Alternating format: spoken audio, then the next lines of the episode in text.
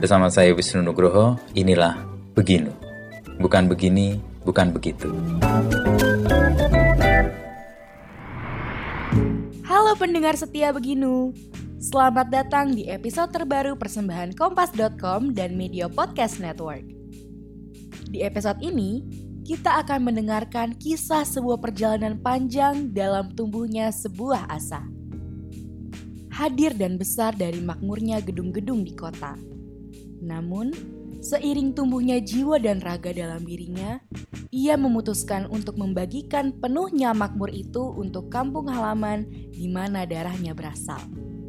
Bersama Wisnu Nugroho, kita akan mendengarkan kisah tumbuhnya asa dalam jiwa seorang Hana Keraf. Mari kita dengarkan kisahnya lebih lanjut. Hari gini masih ketipu investasi bodong, masih susah atur keuangan, investasi, klaim asuransi, dan update isu finansial? Dengerin podcast cuan, cari untung bareng teman. Persembahan media by KG Media dan Motion FM di Spotify.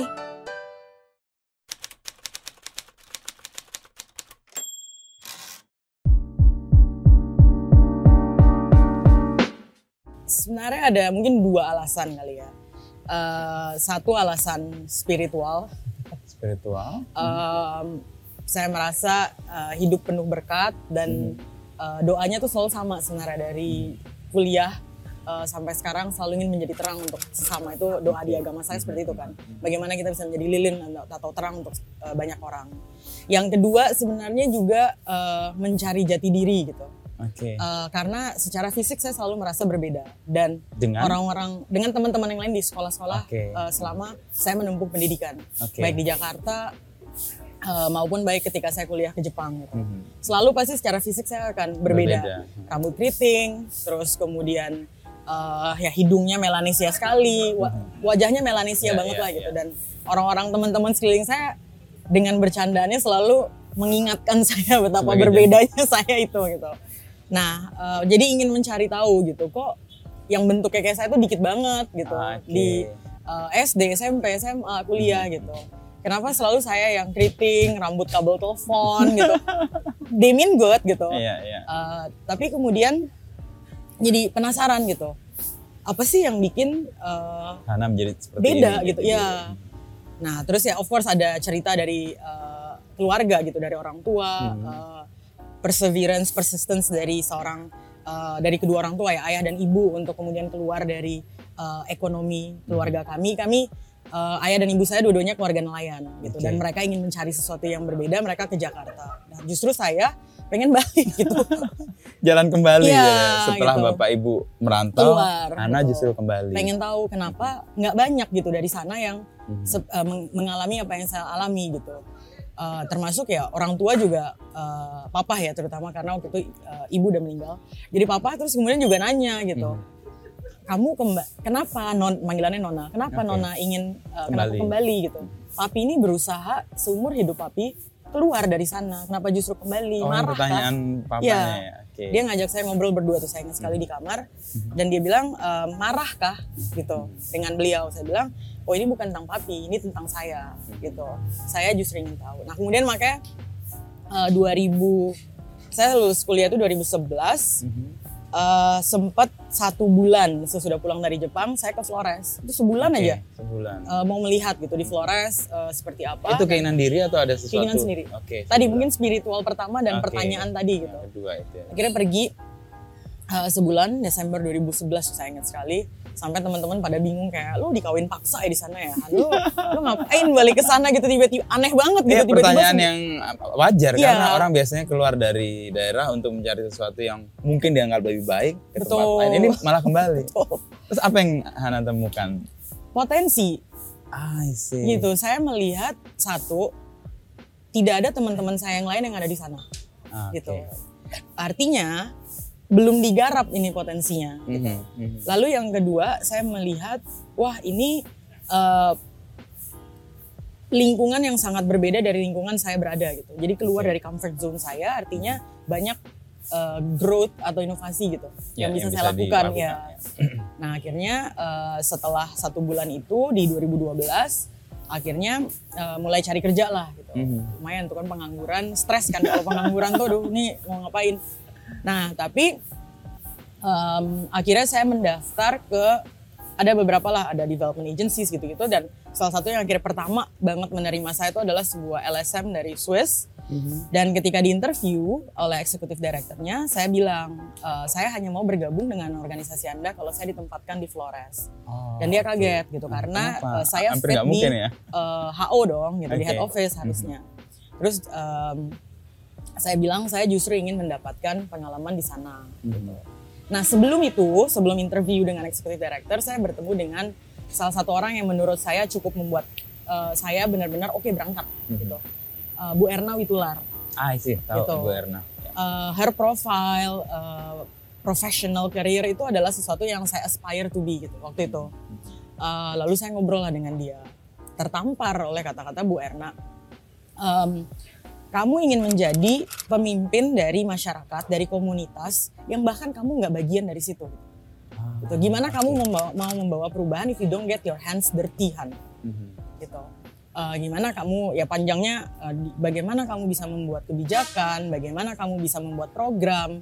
If you do not know how they live, uh, how they make decision, Persis. um, sehari-harinya tuh seperti apa gitu. Itu Wah, kayak ter- tamparan ya? tertampar banget. Mhm. Oh iya bener juga ya. Itu kayak ajakan untuk kamu terlibat lebih sungguh Tantangan, kan? Tantangan. untuk kemudian terlibat karena saya merasa wah gila with all the privilege dengan privilege yang saya miliki siapa saya mau mengubah hidup mereka mereka nggak minta Ya, gitu. ya, ya. Nah akhirnya eh, kata-kata itu Bu Erna itu yang kemudian membuat saya mendaftar ke LSM ini juga dan saya sampaikan ke eksekutif direkturnya saya mau ditempatkan di Flores. Pindahlah saya di Mhm. Flores dan lebih dari empat tahun saya tinggal di sana, bekerja di sana dan eh, mungkin mendapatkan eh, ini eh, pendidikan entrepreneurship saya tuh justru dari Langsung di mereka. situ. Gitu. Jadi empat tahun itu ya. Empat tahunan. Mhm. Jadi guru-guru dosen-dosen entrepreneurship saya tuh ya ibu-ibu yang bangun pagi mengatur waktunya. Mhm. Saya harus bikin eh, nasi kuning untuk jualan di sekolah.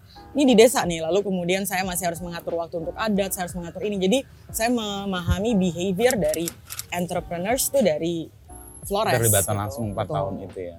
Gitu. Jadi biasanya kalau saya bicara tentang eh, gimana sih kita bisa kemudian membantu masyarakat ya, pasti saya ngeliatnya skopnya di situ Mhm. Mhm. sangat mikro dan sangat akar rumput. Ya itu Bu Erna yang memberikan challenge sih ya untuk Betul. Tapi kalau mau dipukul lebih lama lagi, Mas, eh, saya itu SMA peng- penggila bukunya Soekarno Ah, dan eh, belajar pertama kali tentang eh, Sarinah, Ah, eh, ya, lalu ya. tentang em, apa ya masyarakat miskin, tentang marhenisme gitu. Mhm, mhm. Saya bukan orang politik, saya tidak Oke, ke arah tapi sana, tapi membaca saya suka sekali membaca gagasan-gagasan beliau. Dan, Dan itu yang Soekarno kan ke ND juga kan? betul Diasingkan sorry bukan betul ke ND. diasingkan di ND dan sampai sekarang pun kalau saya ke ND masih kayak wah Mhm. dia dulu duduk di sini ya dulu dia mikirin pancasila di bawah pohon sukun ini gitu Ya, dulu ya. kehidupannya seperti ini nah dari situ sebenarnya udah agak tersentil kayak oh ternyata kalau saya tidak menjadi anak bapak saya mungkin kehidupan saya seperti ini gitu Mhm, mhm. nah itu udah mulai tersentil Eh, ya ada dengan doa tadi ya ingin menjadi terang Ya. lalu kemudian ketemu lagi diyakinkan oleh Bu diri. Erna Mhm, Eh, diyakinkan juga dengan bagaimana setelah turun ke sana benar juga ya mhm. ternyata eh, kalau memang mau membuat programnya berhasil ya kita harus terlibat tahu langsung, gitu ya ada di situ langsung. ya. betul Nah selama empat tahun itu Hana menemukan dua hal tadi nggak? ya? Secara spiritual dicari dan secara jati diri ingin ditemukan juga ya. Spiritual tentu Mhm. merasakan lah bagaimana eh, ibu-ibu atau masyarakat komunitas yang bekerja dengan saya karena sebelum Hmm. eh, dengan or- organisasi yang sekarang dengan ibu-ibu sebelumnya juga dengan petani kan di Mhm. waktu di LSM itu merasakan sih eh, gimana kemudian bisa memanfaatkan apa yang saya punya network pendidikan eh, ya dua inilah gitu termasuk ya finansial saya juga untuk kemudian mau- bisa berguna gitu dan eh, bersama-sama berkembang dengan mereka Mhm. lalu kemudian kalau tentang jati diri eh, dinamis ya gitu. Oke. Eh, ketika itu ketemu Mhm. tapi kalau ditanya sekarang siapa saya nah itu masih sekarang balik lagi nih kayaknya Oke. masih ada di persimpangan berikutnya Dan itu kayak pertanyaan semua orang deh. Siapa saya itu kayak pertanyaan siap bener agak susah Sekarang kayak, ya. eh. Banyak sekali kan kita Betul. kombinasi dari banyak eh, ras, dari banyak Persis. budaya. Atau kalau kita di Jakarta banyak sekali kita mendefinisikan diri kita adalah bagian dari sebuah perusahaan, Hmm. organisasi gitu. We are more than that gitu kan. Mm-mm. Biasa kalau kenalan saya Inu dari gitu Ah, atau iya. saya Hana dari nah. Tapi ketika kita membuang embel-embel itu Siapa, siapa, Siapa kita itu kita pertanyaan gitu paling ya. berat sih itu. itu sedang di persimpangan itu juga Mhm, lagi sekarang. mhm. Ketemu dengan duanya gimana? Ini ini kebetulan banget semalam gua tiba-tiba dapat souvenir dari Unilever nih teman-teman Unilever. Terima kasih Satu Unilever. lagi eh, kartu tempat kartu nama ya dan aku dapat cerita yang menarik sekali duanyam tentang ibu KBH. KBH. Ya, dia 72 tahun, seorang mama KBH ya disebut ya. Dan dia bergabung dengan Duanyam 2016. Dan Duanyam sendiri dalam rangkaian perjalanan Hana sendiri itu di mana berangkatnya dan bagaimana itu menjadi sebuah apa ya sekarang sebuah inisiatif bersama ya untuk membantu atau tumbuh bersama ya kalau membantu Betul. kayaknya kita jago banget bersama. Aku juga masih perlu dibantu gitu ya. Eh, dua nyam tuh mulainya dari diving trip mas. Diving trip. Ajaib ya. Diving trip mana? Labuan Bajo atau Eh, ke mana? Maumere, Oh, Maumere ya? Maumere, Keren juga sana pasti 2000. pantainya ya. 13. Yes, I see. di Maumere. Maumere. Teluk Maumerenya dekat Pulau Babi. Mhm. 92 ada tsunami, dia ada crack. Ah, Coba deh mas, kalau oke. suka diving itu ada soft situ corals bagus banget. Di Maumere. Maumere. Anakku seperempat Maumere itu. Oh iya. Istriku half. Eh nggak seperempat, seperlapan berarti ya. Karena udah Oh. panjang. Lanjut, lanjut tapi. Nah itu alasan bagus untuk nanti Makanya diving gue lihat berarti. dengar Maumere langsung penasaran yang trip tadi itu ya. Betul. Oke, gimana dari diving club atau diving trip? Dari diving trip, teman-teman SMP SMA. Kebetulan aku sekolah di sekolah homogen yang pertemanannya tuh sekali masuk seumur hidup mas. Uh, Ursula ya. Yes, dari Oke, Ursula. Serve jam nih. Serviam, aku mengabdi. Dari sekolah aja udah motonya aku mengabdi ya. Oke. Eh, jadi kita waktu itu semua ada yang lagi S2, eh, ada yang udah kerja, saya satu. Jadi kita bertujuh, berdelapan gitu. Pokoknya rame lah alumni semua. Lalu kemudian kita pergi diving. Tapi 2013? saya, ya, tapi saya sendiri waktu itu udah tinggal di sana. Oh, ya, karena dalam rangka 4 tahun tadi ya, ya. mereka kemudian berkunjung lah gitu. Oke, Lalu kita nengok bikin si teman kita nih. ini masih aman gak nih? Ini ngapain dia di Flores gitu? 2013 gitu mas. 2012 pindah ke Flores tuh, wah di mana mana teman-teman pilih Jakarta, Persis, atau Singapura, bahkan keluar Tokyo, ya. Oke. New York gitu. Nah, pas mereka kemudian datang, tahu ya mungkin emang pendidikan sekolah kami Oke. bikin kami tuh nggak bisa cuma jalan-jalan, Ah, harus selain jalan-jalan Ada kerja gitu, sesuatunya. harus ada menghasilkan gitu. Ya ini saya menyalahkan sekolah sih. bahkan sambil liburan harus produktif. harus produktif. Dan itu ada tuntutan sendiri gitu. Akhirnya Oke. kita mikir, kita mau uh, bikin sumbangan, kita mau bikin uh, hal sosial apa nih? Apakah mau one off sekali dengan uang yang kita miliki, atau kita mau bikin Sustain. sesuatu yang sustainable? Mhm. Uh, akhirnya setelah diskusi, lagi-lagi kami menyukai tantangan, akhirnya memilih membuat uh, social entrepreneur, uh, enterprise gitu. Oke. Salah satu um, tim kita uh, sekarang menjadi CEO-nya Duanyam, dia kan kuliahnya di Amerika dan 2012, 2013 di Indonesia memang belum uh, besar, tapi di Amerika saat itu social entrepreneurship tuh lagi Lagi booming. uh, ya. lagi booming. Siapa sih Melia itu? Atau Ayu. Oh, Ayu. oke. Ayu. Kan bertiga ya kalian ya? Bertiga. Ana, Ayu sama Melia. Melia. Betul. Lalu eh, akhirnya dari em, trip itu kita langsung bagi tugas. Jadi hari pertama diving, hari kedua oke langsung bikin planning nih. So, bertujuh- plan. Bertujuh bagi tugas. Yang ini cari eh, pemetaan supply chain langsung. Oke. Jadi dari setiap eh, Oh, langsung BMC-nya dibikin. Bisnis modal kanvasnya.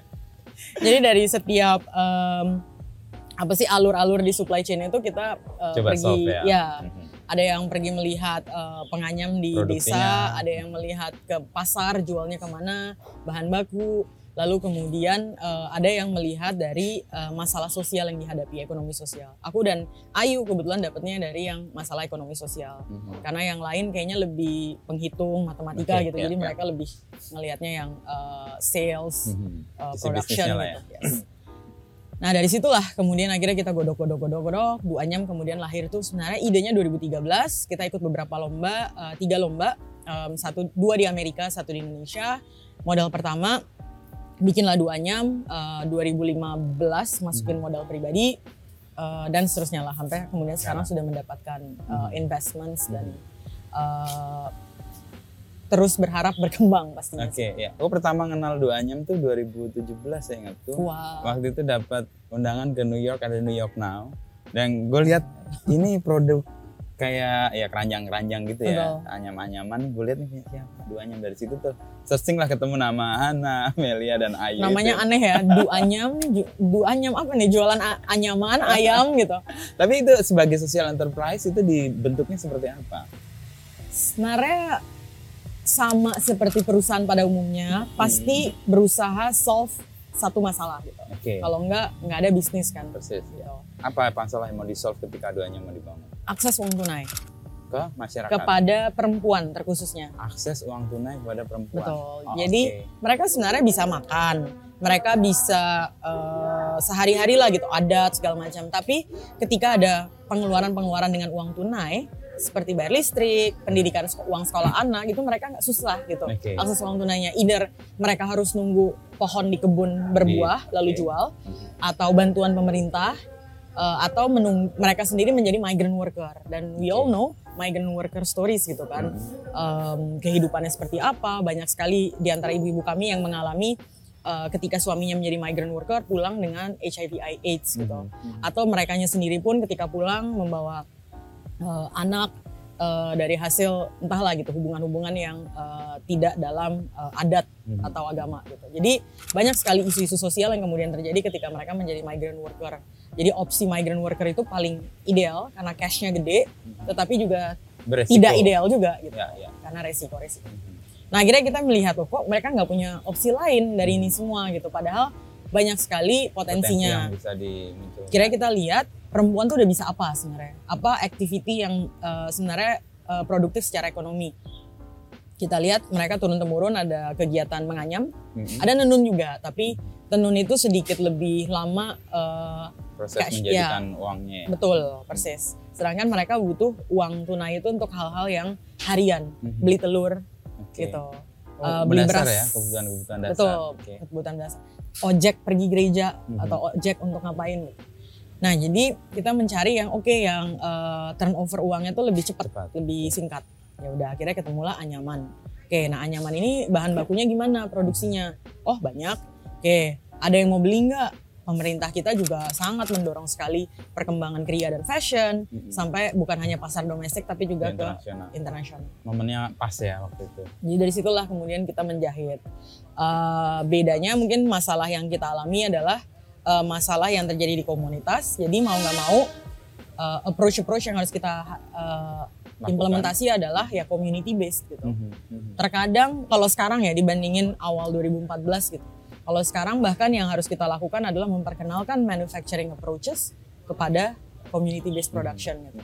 Harus menghitung productivity, Ya. gimana caranya kalau productivity mereka mulai turun, lalu harus menghitung uh, jadwal. Uh, kalau misalnya bahan bakunya ada musim-musim hujan dan mereka nggak bisa menyiapkan bahan baku, jadi benar-benar udah harus database, calculation, walaupun kelihatannya bisa banget sih Mhm. gitu. Tapi itu ada Di balik layarnya, untuk ya. ya, untuk segala macam ya. Nah, upaya untuk membantu mereka itu kan secara apa tadi istilahnya mendapatkan akses tunai kepada perempuan. Ini spesifik Betul. banget ya. Dan di era itu kan kayak jadi tren ya bahwa kayak Garmin Bank ya, ya, ya, Muhammad Yunus itu kan Ya. juga sama tuh perempuan dan Betul. kemudian diberi akses eh, ke perbankan dan ternyata paling bagus tuh betul, betul. dan ditemukan bahwa perempuan jauh lebih kalau bahasa Jawa tuh stiti lebih lebih apa istilahnya lebih tidak merepotkan kalau berurusan dengan bank. Nah pengalaman Hana gimana dengan Lebih disiplin ya. Eh, lebih disiplin dan apa istilahnya bang macetnya tuh lebih lebih sedikit dibanding kalau cowok. Setuju sih. Em, salah satu alasan kenapa kita ke perempuan, sebelumnya tuh sebelum duanya di NGO itu aku kerja lebih baik dengan laki-laki. Eh, petani laki-laki. Oke. Dan dari eh, studi-studi yang terjadi, eh, impact study lah eh, dan seterusnya, melihat bahwa em, expenses yang dilakukan oleh laki-laki itu umumnya adalah adat, Mhm, kemudian eh, rokok, mhm, alkohol. mhm. Tapi rokok alkohol ini ya untuk kalau kumpul adat ya mau nggak mau harus keluar Harus dong tergabung, gitu. ya.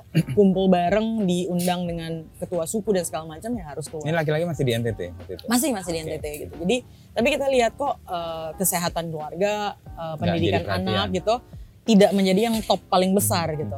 Menjadi Beda perhatian tapi di bawah. Beda dengan perempuan. Hmm. perempuan tuh mikirin anak saya besok makan apa enggak. Oke, Itu lebih dulu dibanding Betul. harus beli atau beli alkoholnya atau adat. Betul. Lalu kemudian mikirin eh, ini uang sekolah anak dibayar Betul. apa enggak gitu.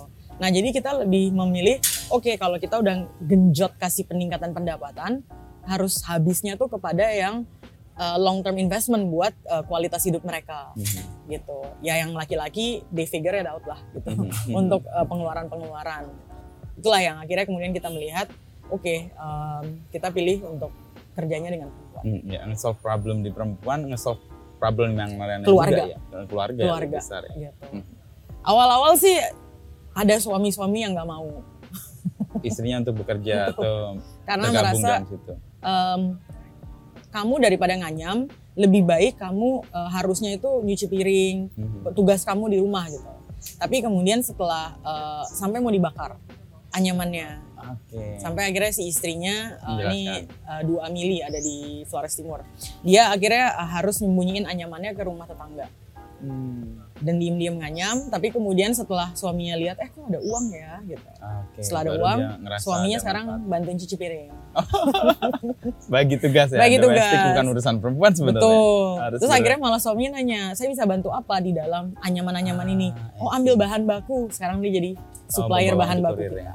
Oke. Jadi kita bukan kalau dibilang dua nyam tuh hanya kerja dengan perempuan sebenarnya Ternyata tidak. enggak ya. Si suaminya tuh ada masuk dalam supply chain kita juga. Tukang ojeknya tuh mereka. Mm-mm. Uh, driver-driver untuk logistik lah itu mereka. Bahan baku mereka. Tapi ya untuk mengerjakan, menganyam itu. Craftsmanship-nya tetap. Terima kasih telah mendengarkan podcast Beginu. Nantikan obrolan Wisnu Nugroho bersama narasumber inspiratif lainnya.